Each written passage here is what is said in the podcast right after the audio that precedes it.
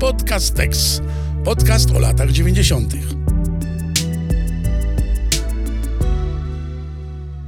Mateusz, czy Michael Jordan był bohaterem twojego dzieciństwa? Bartek, i tak i nie. E, nigdy nie interesowałem się e, NBA. E, nigdy nie sprawdzałem tego na bieżąco. Nie miałem swojej ulubionej drużyny, natomiast NBA było w latach 90. bardzo silnym fetyszem, mam, mam wrażenie, bo mm, jednak no, ta liga oczywiście była, była potężna pod względem poziomu i też pieniędzy, zanim e, dołączyliśmy do wspólnoty wolnych narodów do wyobrażonej wspólnoty wolnych narodów. Y, natomiast no, wtedy to, to NBA było bardzo blisko, bo jednak mm, kontynent amerykański się bardzo przybliżył po 89, czyli i poprzez rozmaite tam, wiesz, odgrzewane mocno teksty kultury, popkultury, czyli seriale z lat 80. jako klasyki polskich 90sów na przykład um, i, i, i, tego typu rzeczy. I no nie, nie dało się tego uniknąć. Pamiętam, że była um, ogromna zajawka związana z NBA, że mój brat też pod blokiem po prostu grał w kosza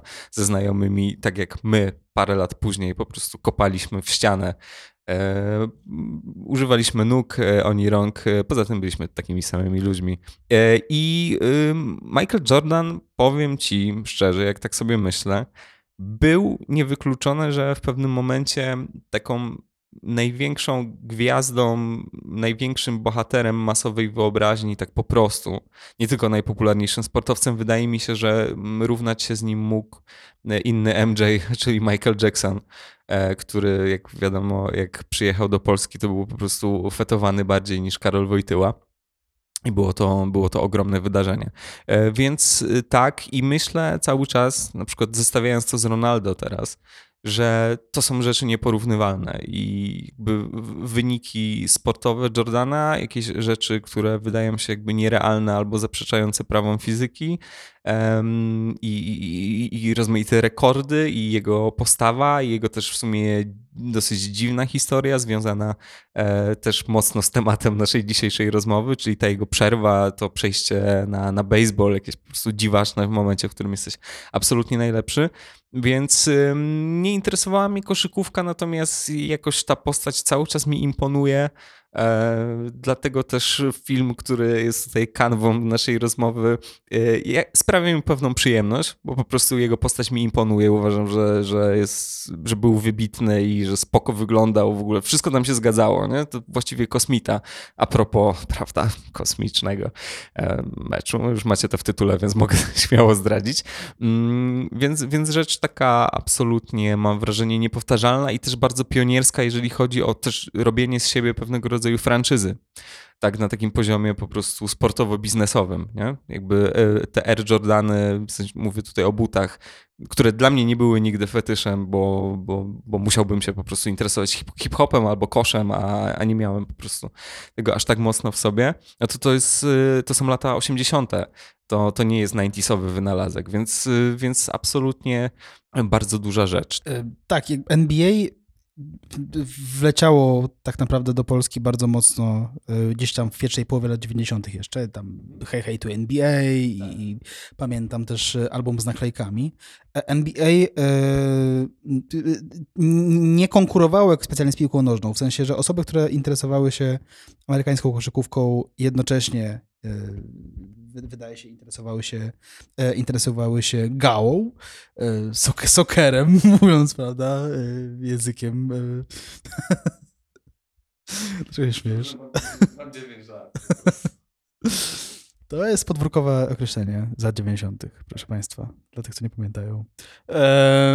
I, i, a jednocześnie NBA było bardzo amerykańskie w tym sensie, że jeśli chodzi o ten cały, ten cały sztafaż i to, jakby e, to wszystko, co działo się na, na, boisku, które było momentami traktowane jak, e, jak taka wielka estrada, gdzie się działy bardzo efektowne rzeczy, bardzo szybki montaż, to boisko było małe, gracze biegali dużo szybciej, to było dużo wdzięczniejsza rzecz do tego, żeby to efektownie pomontować.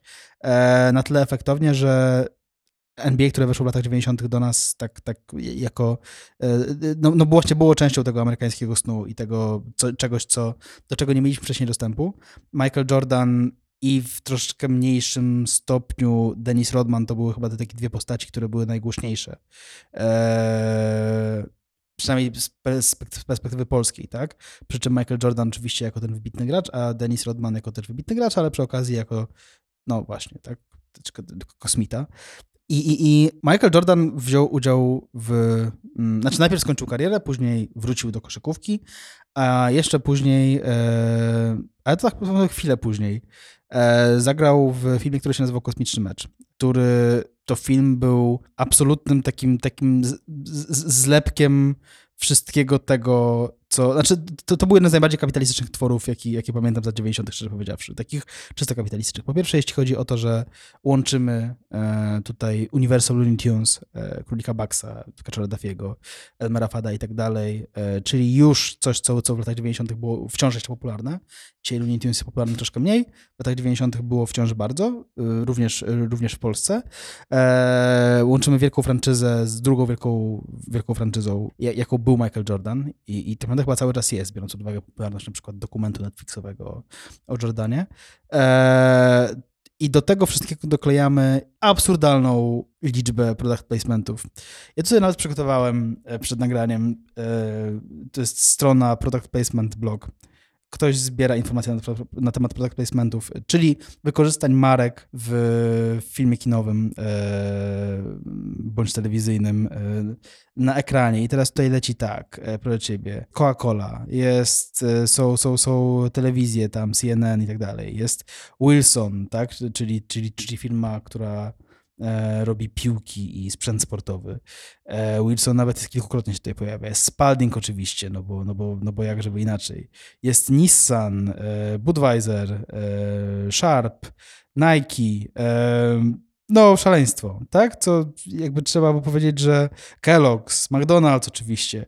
Jakby te wszystkie największe, e, największe fetysze lat 90. i to wszystko, co, co, co, co, do czego my bardzo dążyliśmy w latach 90. I Kosmiczny Mecz był e, w Polsce niezwykle popularnym filmem. I filmem, który do dzisiaj ma status e, no, takiego dość znaczącego e, dzieła kinowego. Przy czym ja trochę myślę, że ludzie tego filmu dawno nie oglądali. Wiesz co, tak, rozumiem, myślę, twoje podejście. Ja ten film, podobnie jak ty, w sumie odświeżałem sobie niedawno. Ja bym może jeszcze wspomniał o tym, że, że zaczęło się wszystko od e, reklamówki. Nie mówię tutaj o siatce ze sklepu, tylko o reklamie z Jordanem i z Królikiem Baxem.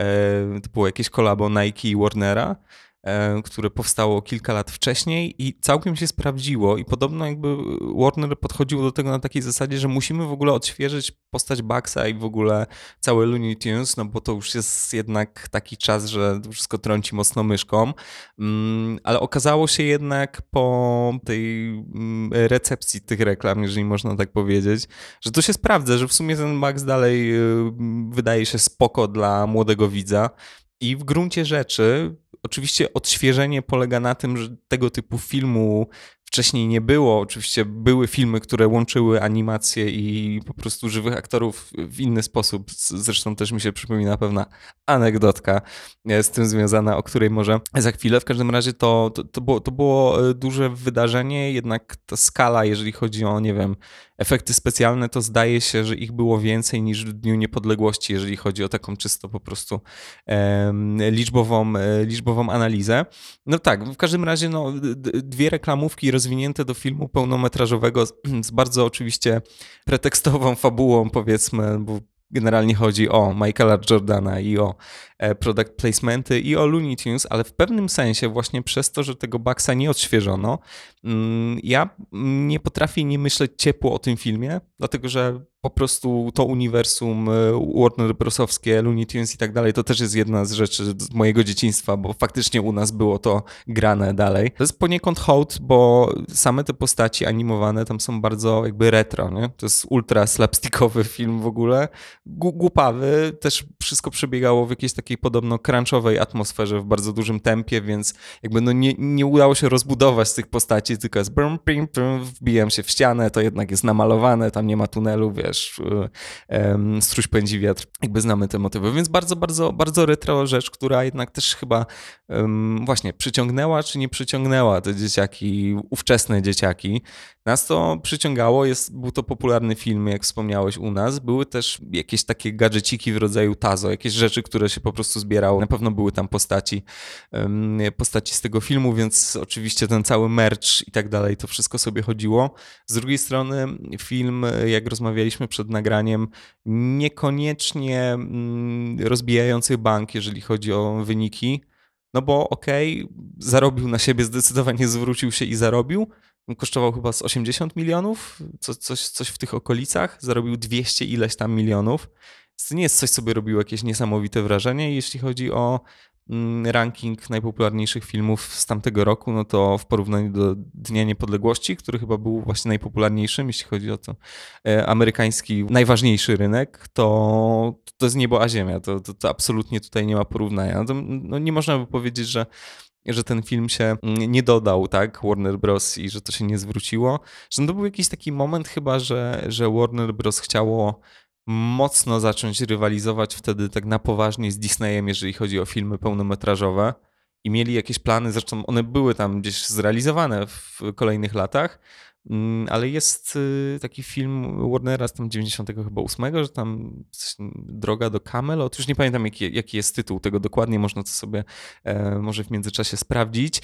Natomiast oni ściągnęli tę ekipę, która pracowała nad filmem, który miał się pojawić dużo wcześniej, właśnie po to, żeby robić Space Jam, a ten film wyszedł właśnie chyba 98 czy 99, e, dwa lata później, więc więc zamieszanie było, było ogromne. Natomiast tak, tak jak mówię, ja do tego podchodzę ciepło jednak. Może powiem potem e, coś więcej na temat tego dlaczego. Natomiast z tego co wiem, to ty powiedzmy nie byłeś jakiś taki bardzo usatysfakcjonowany tym ponownym seansem, więc w sumie jestem ciekaw e, tego, tego rozwinięcia. Tak, no ja ten film widziałem trzeci raz ostatnio, tak? Za pierwszym razem oczywiście w kinie jako, jako dzieciak i no weszło, tak? Bardzo mocno. I tam tazosy, tazosy były zbierane i Michael Jordan był podziwiany i, i, i, i, i też przy okazji to jest ciekawe, co powiedziałeś o, o, o Króliku Baksie jako o rzeczy, która była retro, która była do odświeżenia, dlatego że u nas Looney Tunesy nie jestem tutaj w 100% pewien, ale prawdopodobnie nie leciały w PRL-u. Że to weszło dopiero w latach 90., znaczy po 89 roku, tak? E, w związku z czym dla nas e, jakby Looney Tunesy, które leciały w Kanal Plusie na przykład, to był wielki miks tych wszystkich e, kreskówek z lat 50., 60., 70. i tak dalej, i tak dalej. Także jakby tam to leciało jedno, jedno za drugim e, i myśmy nie do końca rozróżniali, że no to tam jest y, ten reżyser, to jest tamten reżyser, co nie? Że, znaczy, być może rozróżniali, rozróżnialiśmy, ale to nie było kluczowe jakoś tam dla nas, nie? E, ten, ta, ta ewolucja, którą, którą przed y, Królik Bugs jako postać, była w zasadzie e, no, średnio widoczna dla nas, dlatego że po prostu to była mm, to były zupełnie pomieszane y, kreskówki z różnych momentów e, Looney Tunes, nie? I, i, I dla nas Space Jam jakby to nie było zupełnie problematyczne, tylko że Space Jam był czymś właśnie bardzo amerykańskim, co jest świeże. Że dopiero co zobaczyliśmy tego Królika Maxa w telewizji, a teraz jeszcze możemy zobaczyć w kinie z Michaelem Jordanem i Billem Marejem i wow, w ogóle, ale super. E, więc to jest, e, to, jest, to jest interesujące. Zobaczyłem ten film później, jeszcze przy okazji których świąt, jako na ten nastolatek e, i zobaczyłem go ostatnio. I jakby to, czym mówisz, czyli tempo, w którym ten film powstawał, jest widoczne. To, że ono jest widoczne fabularnie, to jest, e, to jest jedna rzecz. Tak wiadomo, że to wszystko jest strasznie pretekstowe. Zdziwiło mnie, jak bardzo to jest pretekstowe, bo, e, bo, bo, bo mm, cały ten e, wątek fabularny Michaela Jordana jest potwornie cheesy, w sensie, przepraszam, serowy, e, mówiąc po polsku. Jest, jest naiwny nawet jak na standardy amerykańskiego kina familijnego lat 90. i 80. To, że, że, że w pierwszej scenie widzimy małego Michaela Jacksona, Jordana, Ile razy powiem dzisiaj Michael Jackson, nie wiem, ale w pierwszej scenie widzimy młodego Michaela Jordana, który mówi swojemu ojcu, że chce być super w koszykówkę, a potem chce grać w baseball. A potem chce grać w baseball, nie? Tak.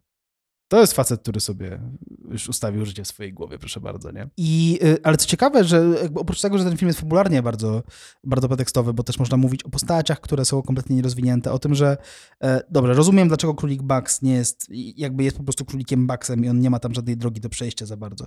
Rozumiem, czemu Kaczor Duffy też.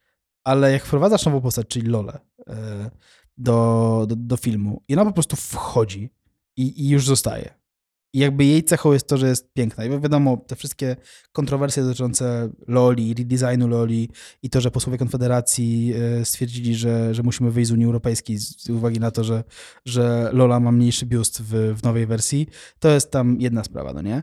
E, I jakby wiadomo, że ta przeseksualizowana postać jest, jest seksistowskim wątkiem i, e, i, i, i, i to są lata 90. na pełnej, nie? Ale już tak z czysto wiesz, takiego, takiego odbiorczego punktu widzenia, jakby jak po prostu patrzę na tę fabułę, nie? To jest postać, która wchodzi i jest w tym filmie i zostaje i jest w tym filmie po to, żeby wyglądać i żeby mm, stworzyć jakby nowe pokolenie osób jarających się klimatami fury. E, jakby ch ch chyba, chyba tylko po to. Ale oprócz tego, tej pretekstowości fabularnej, tam jest tak naprawdę duża, dużo skrótów takich wizualnych, co jest interesujące. I jakby ja wiem, że oni e, bardzo mocno e, eksperymentowali i, i, i, e, i mocno mieszali grafikę 3D z 2D, ale jest to zaskakująco bolesne dla widza w 2021 roku. Przy czym na przykład y, Królik Roger nie jest tak bolesny. Jest to, jest to obraz zdecydowanie, zdecydowanie korzystniej wyglądający dzisiaj. To znaczy, tak, wiesz co, zastanawiałem się w trakcie seansu, y, co się zestarzało, a co nie i tak już podchodząc do tego od czysto technicznej strony, to o ile rzeczy płaskie, 2D, nakładane moim zdaniem się bronią i to była dla mnie jakaś tam przyjemność, też po prostu nostalgiczna, ale zaczyna się tam dziać coś, co będzie na potęgę wykorzystywane już za kilka lat w jakichś e, serialach animowanych, na przykład w jakichś franczyzach komiksowych, tam jakichś tych nowych przygodach Spidermana czy coś tam. Coś, do czego się nawiązuje trochę celowo w, w Invincibles, czyli wrzucanie tych elementów trójwymiarowych które wyglądają potwornie e, w połączeniu na przykład jeszcze z 2D i z normalnym powiedzmy obrazem prawdziwego świata. Co jest prawdziwe, Bartek? Czy to jest prawdziwy świat? No ale tak e, umownie do tego podchodzimy. Więc to się, to się paskudnie moim zdaniem zestarzało.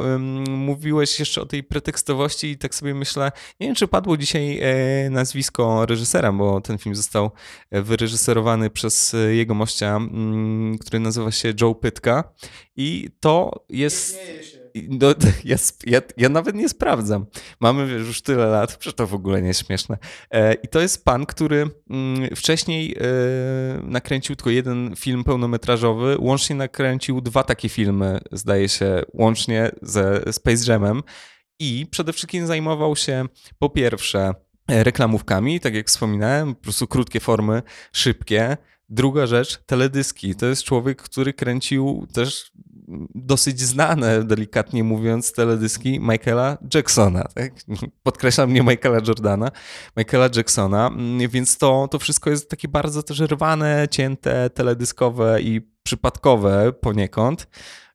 Przed chwilą tak na marginesie wszedłem sobie na spacejam.com, no bo to, był ten, to była ta taka ciekawostka, która już dla nikogo nie jest ciekawa, że ta strona, która powstała wówczas przy okazji premiery, ona istniała w takiej formie właśnie 9.6 cały czas. Teraz tam jest po prostu zajawka mm, e, nowego filmu, który już niebawem i który też jest właściwie pretekstem dla, dla naszej rozmowy, czyli Space Jam New Legacy, tak, z LeBronem Jamesem, mm, więc tego... Musisz pisać i, i, to, I to jeszcze jest? Super, super. No to dobrze, to, to, to jest przyjemne. E, więc dużo w tym przypadku, wiesz, przypadek jest też na przykład y, powiązany mocno z rolą Billa Mareya w tym filmie, bo oczywiście ja, ja bardzo tego aktora lubię, chociaż to jest Bill Murray, zanim się stał takim, wiesz, zgorzkniałym mędrcem, ironistą, taką postacią trochę właśnie z Lost in Translation, czy, czy, czy, postacią Jarmuszowską, tylko to jest jeszcze taki trochę goofy jednak Bill Murray, jeszcze nie wiedzieliśmy za bardzo, um, co to jest za aktor. I on się miał pojawić tylko i wyłącznie w tej scenie golfowej, e, w której jest w ogóle dosyć fajny dialog, bo kiedy Bill Murray pyta, mm, właśnie Bill Murray gra Billa Murraya, żeby, żeby było jasne, i pyta Michaela Jo- Jordana, czy nadaje się do NBA, bo teraz brakuje zawodników po tym, jak Monsters, to, to spoiler, jeżeli ktoś nie, nie widział, zabrali talent kilku wybitnym koszykarzom w rodzaju Charlesa Barclaya. Jordan powiedział, że nie, nie nadajesz się do tego, to jest męska gra, coś, co, coś w tym guście i on mówi, a czy to dlatego, że, że jestem biały? I on mówi, a obok jest Larry Bird, czyli legenda, już wówczas legenda NBA i mówi, nie, no przecież y, no, La- Larry, Larry też jest biały.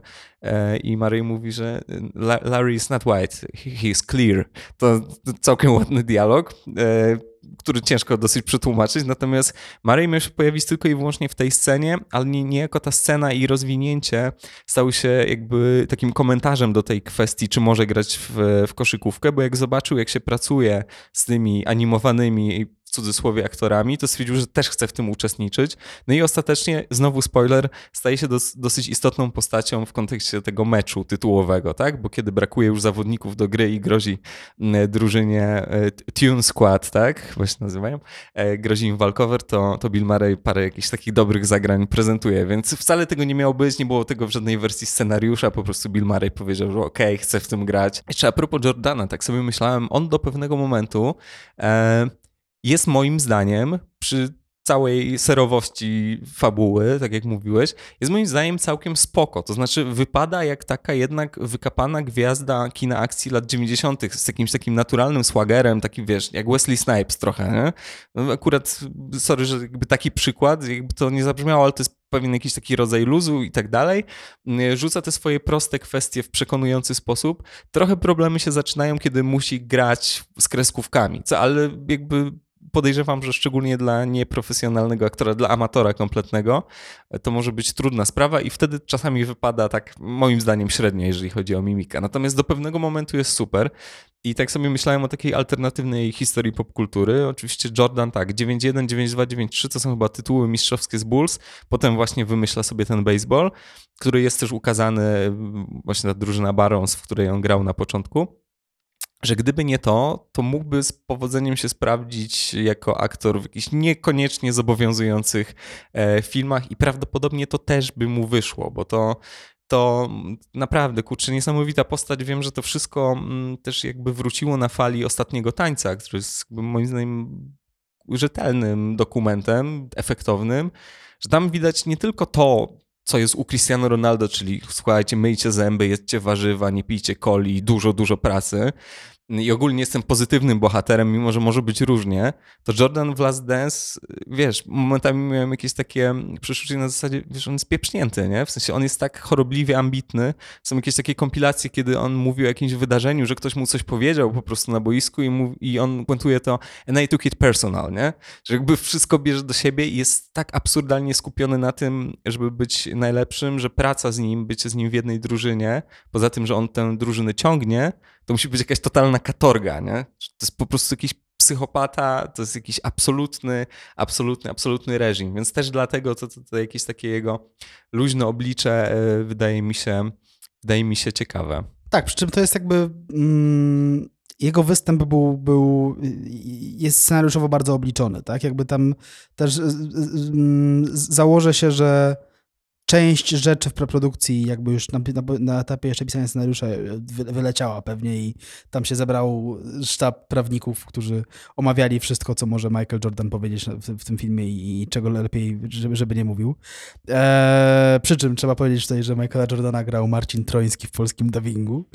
To jest, w ogóle ja po raz pierwszy ten film oglądałem ostatnio w, to, to trzeci seans, nie? Bez polskiego dubbingu, no bo jakby Aha. w telewizji leciał z polskim dubbingiem, w kinach też. Eee, jest to trochę inne doświadczenie. To jest w ogóle bardzo trudna rzecz, kiedy zakładam, że musisz zagrać nie dość, że prawdziwą postać, to jeszcze jesteś białym aktorem grającym czarnoskórą, czarnoskórego mężczyznę, co troszkę wybija, w sensie co, co, co, jest, co jest słyszalne, że tak powiem, tak? Jak się na przykład ogląda, nie wiem, film MCU też, nie? I tam trzeba podłożyć tego, tego e, Samuela Jacksona na przykład, nie? Czy Chadwicka Bozmana. I wczoraj też swoją drogą pomyślałem sobie, że nie pamiętam, kto grał Stana e, e, Pod- Podolaka, czyli jedną z postaci drugoplanowych, ale pomyślałem sobie, ja bym obsadził Piotra Gąsowskiego. I, I sprawdziłem, oczywiście, że Piotr Gąsowski. Oczywiście, że tak. Oczywiście, że tak. To jest absolutnie e, perfekcyjny typ do tego. Natomiast ten, ten udział Billa Mareya jest, jest w ogóle takim też, o którym wspomniałeś, jest, jest przykładem tego, jak bardzo ten film był tworzony na kolanie. No bo jakby je- jego pojawienie się na końcu jest, e, jest jakimś takim scenariuszowym grzechem, że jakby nagle wyciągasz postać, która w zasadzie wcześniej funkcjonowała w filmie na zasadzie cameo i to było zabawne cameo pod tytułem Bill Murray chce grać w kosza i nie dają mu i jakby to jest początek drogi postaci, ta droga postaci polega na tym, że on gra w tego kosza i spoiler potem rezygnuje z grania w kosza jednak po tym jednym doświadczeniu. E, to jest bardzo pretekstowe. E, ale też, jeśli chodzi o te postaci animowane, odnoszę wrażenie, że ten film jest troszeczkę bardziej, ma, ma trochę więcej humoru klozetowego i takiego, takiego gross out humor w sobie, niż miały e, klasyczne kreskówki e, z serii Looney Tunes, które oczywiście operowały bardzo mocno na takiej kar- kartunowej przemocy i, i na tym, że kogoś tam przygniotła skała, czy, czy, czy, czy, czy, czy, czy Kaczorowi odstrzeliło się dziób i tak dalej, i tak dalej. E, natomiast tutaj jest sporo żartów typu e, świnka porki się zsikała w gacie, znaczy w gacie, nie w gacie. Kamera pokazuje tylko to mówią w fali amerykańskim, nie? Co się stało na, na dole. Natomiast e, tak, że tam albo, nie wiem, mycie boiska za pomocą spluwania. E, Jest tego trochę chyba więcej niż w tych kreskówkach e, klasycznych i być może to była jakaś taka próba odświeżenia tego, tej, tej formuły, e, dostosowania e, Looney Tunesów do, do, do, do dzieciaków lat 90. Jeśli tak, to to jest trochę obraźliwe dla dzieciaków lat 90., ale, ale, e, ale zostawmy to. E, I to jest coś, na, co, na czym moim zdaniem ten film najbardziej cierpi. W sensie właśnie i ta pretekstowość fabularna i jednocześnie to, że nawet Looney Tunes nie działają tak, jak powinny działać Looney Tunes w filmie pełnometrażowym. To, że e, nawet kiedy ten film próbuje e, próbuje zrobić coś zabawnego co, co, co, i jakby puszczać oko do widza, tak? To, to w ogóle wywala się kompletnie na, na, na, na ryj. E, i, tutaj takim świetnym przykładem są, e, są pozostałe camea, które są w tym filmie. To są ci, ci, ci e, pozostali, e, pozostali gracze. E, tam był Charles Barkley, Patrick Ewing, tak, Larry Johnson i tak dalej. I tam jest ten sam dowcip z tymi graczami, polegający na tym, że oni stracili swoje zdolności za pomocą tam jakiejś tam kartunowej magii. E, jest powtórzony chyba dwa albo trzy razy. E, I momentami starają się robić jakieś takie edgy rzeczy, typu tam jest tak rozmowa u, u, u terapeuty, który sugeruje, że być może to ma jakiś tam, czy, czy, czy nie jest pan przy, przy okazji może impotentem i czy to nie ma jakiegoś, jakiegoś związku z pana seksualnością i tak dalej. I nie wiem, czy to działało na dorosłych latach 90., natomiast zwłaszcza dzisiaj, kiedy wiemy, w jaki sposób filmy animowane skierowane teoretycznie dla dzieci mogą jednocześnie mówić do, do rodziców. E, wiemy to po Shreku, czy wiemy to na przykład po filmach Pixara. E, wydaje mi się to strasznie, strasznie suche. Dlatego trochę wydaje mi się, że osoby, które b- bardzo wychwalają Space Jam jako coś fantastycznego, jako po prostu najwybitniejsze doświadczenie kinowe lat 90., chyba dawno tego Space Jamu nie oglądały. No tak, to, to jest właśnie zabawne, że Warner Bros. wychodzi z takiego punktu, że ej, będziemy się ścigać z Disneyem, będziemy robić e, pełnometrażowe filmy animowane, na które może pójść cała rodzina i wszyscy coś z tego jednak wyciągną, jakbyśmy nie oceniali tych filmów e, disneyowskich z 90sów, ale trochę podchodzą do tego na zasadzie, a nie, czekajcie, nie, wiecie co, najpierw Space Jam, a potem będziemy próbowali, nie? Tam jakiś tam Iron Giant, coś tam parę lat później jakieś takie rzeczy e, się pojawią, więc tutaj e, zrobili tego typu przystanek. Tak jak mówiliśmy, on się zwrócił, ale e, ciekawa rzecz, no bo ten film jest jednak bardzo mocno stopiony z piosenkami, które go promowały, tak? I to oczywiście to się źle zestarzało, no bo to R. Kelly śpiewał I Believe I, I Can Fly i napisał ten numer i to jest taki kluczowy numer. Jeszcze jest mm, Fly Like an Eagle, ale to już jest cover e, Steve Miller Bandu. W każdym razie numery bardzo mm, popularne i jak sobie popatrzyłem na nagrody przyznawane Space Jam po premierze, to generalnie piosenki wydaje mi się, że dostały więcej laurów niż e, film jako taki, tam w kontekście, nie wiem, jakichś tam efektów czy, czy, czy coś w tym guście, więc ten odbiór, przynajmniej jeżeli chodzi o krytyków w Stanach, z tego co czytałem, był bardzo, ale to bardzo mieszany i bardzo dużo osób zwracało uwagę na to, że to jest kurde jednak bardzo, bardzo szybki i bardzo infantylny film, który no aż tak nie zrobi wrażenia. Raczej chwalono w sumie tę stronę techniczną, czego byśmy o niej teraz nie mówili, no to, to była to jakaś próba. Wydaje mi się, że e, producent Space Jam zadzwonił do e, Roberta Zemekisa przed rozpoczęciem produkcji i chciał się poradzić w związku z łączeniem tego typu właśnie live action i, i kreskówkowości. E, zresztą już padł tytuł tego filmu, o którym mowa, e, kto wyrobił Królika Rogera i e, zapytał go, możesz dać jakąś radę, jakąś wskazówkę, jakoś nas nakierować i Zamekis powiedział po prostu, że słuchajcie, nie róbcie tego. To, to, to jest moja rada. To mnie jakby zrujnowało jakby całkowicie. Po prostu tego nie róbcie. Przy czym Kto wrobił Królika Rogera było jednak e, sukcesem również e, krytycznym, tak? Oprócz tego, że, że, że e, no, no po prostu był udanym filmem. Natomiast... Jasne, jasne. No zresztą Zamekis tam się lubił rzucać na takie, na takie ambitne bardzo projekty, nie? Natomiast jeśli chodzi o to, o, czym- o, o czym wspomniałeś, czyli o, o, o tempo, tak? Które jest niez, niezwykle szybkie, tak? To jakby de facto Space Jam trwa bez napisów e, końcowych godzinę 17. E, I to jest bardzo krótki film. Z napisami końcowymi, które są. e, trwają 10 minut, trwa, oczywiście godzinę 27. Intro jest długie, tak. Intro jest długie i, i ostrzegam tutaj epileptyków przed tym intro generalnie, tak? E, pragnę, pragnę ostrzec. Natomiast e, ewidentnie widać, że tam im też zabrakło czasu i materiału, tak? Żeby to wszystko do, dopracować, nie? Bo jak przychodzi ten już kosmiczny mecz, tak, tytułowy, to jest 50 minuta filmu. Jak oglądałem po raz trzeci, będąc przyzwyczajonym do tego, że dzisiaj tego typu filmy, nawet familijne, działają troszkę inaczej. No, trwają godzinę 45 do 2 godzin i ten trzeci akt finałowy to jest, tak nie wiem, no, on wchodzi gdzieś tak koło godziny 25, koło godziny 30 niekiedy, jest 50 minuta i to jakby to już jest już, to już jest to. Oni już zaczynają grać teraz, nie?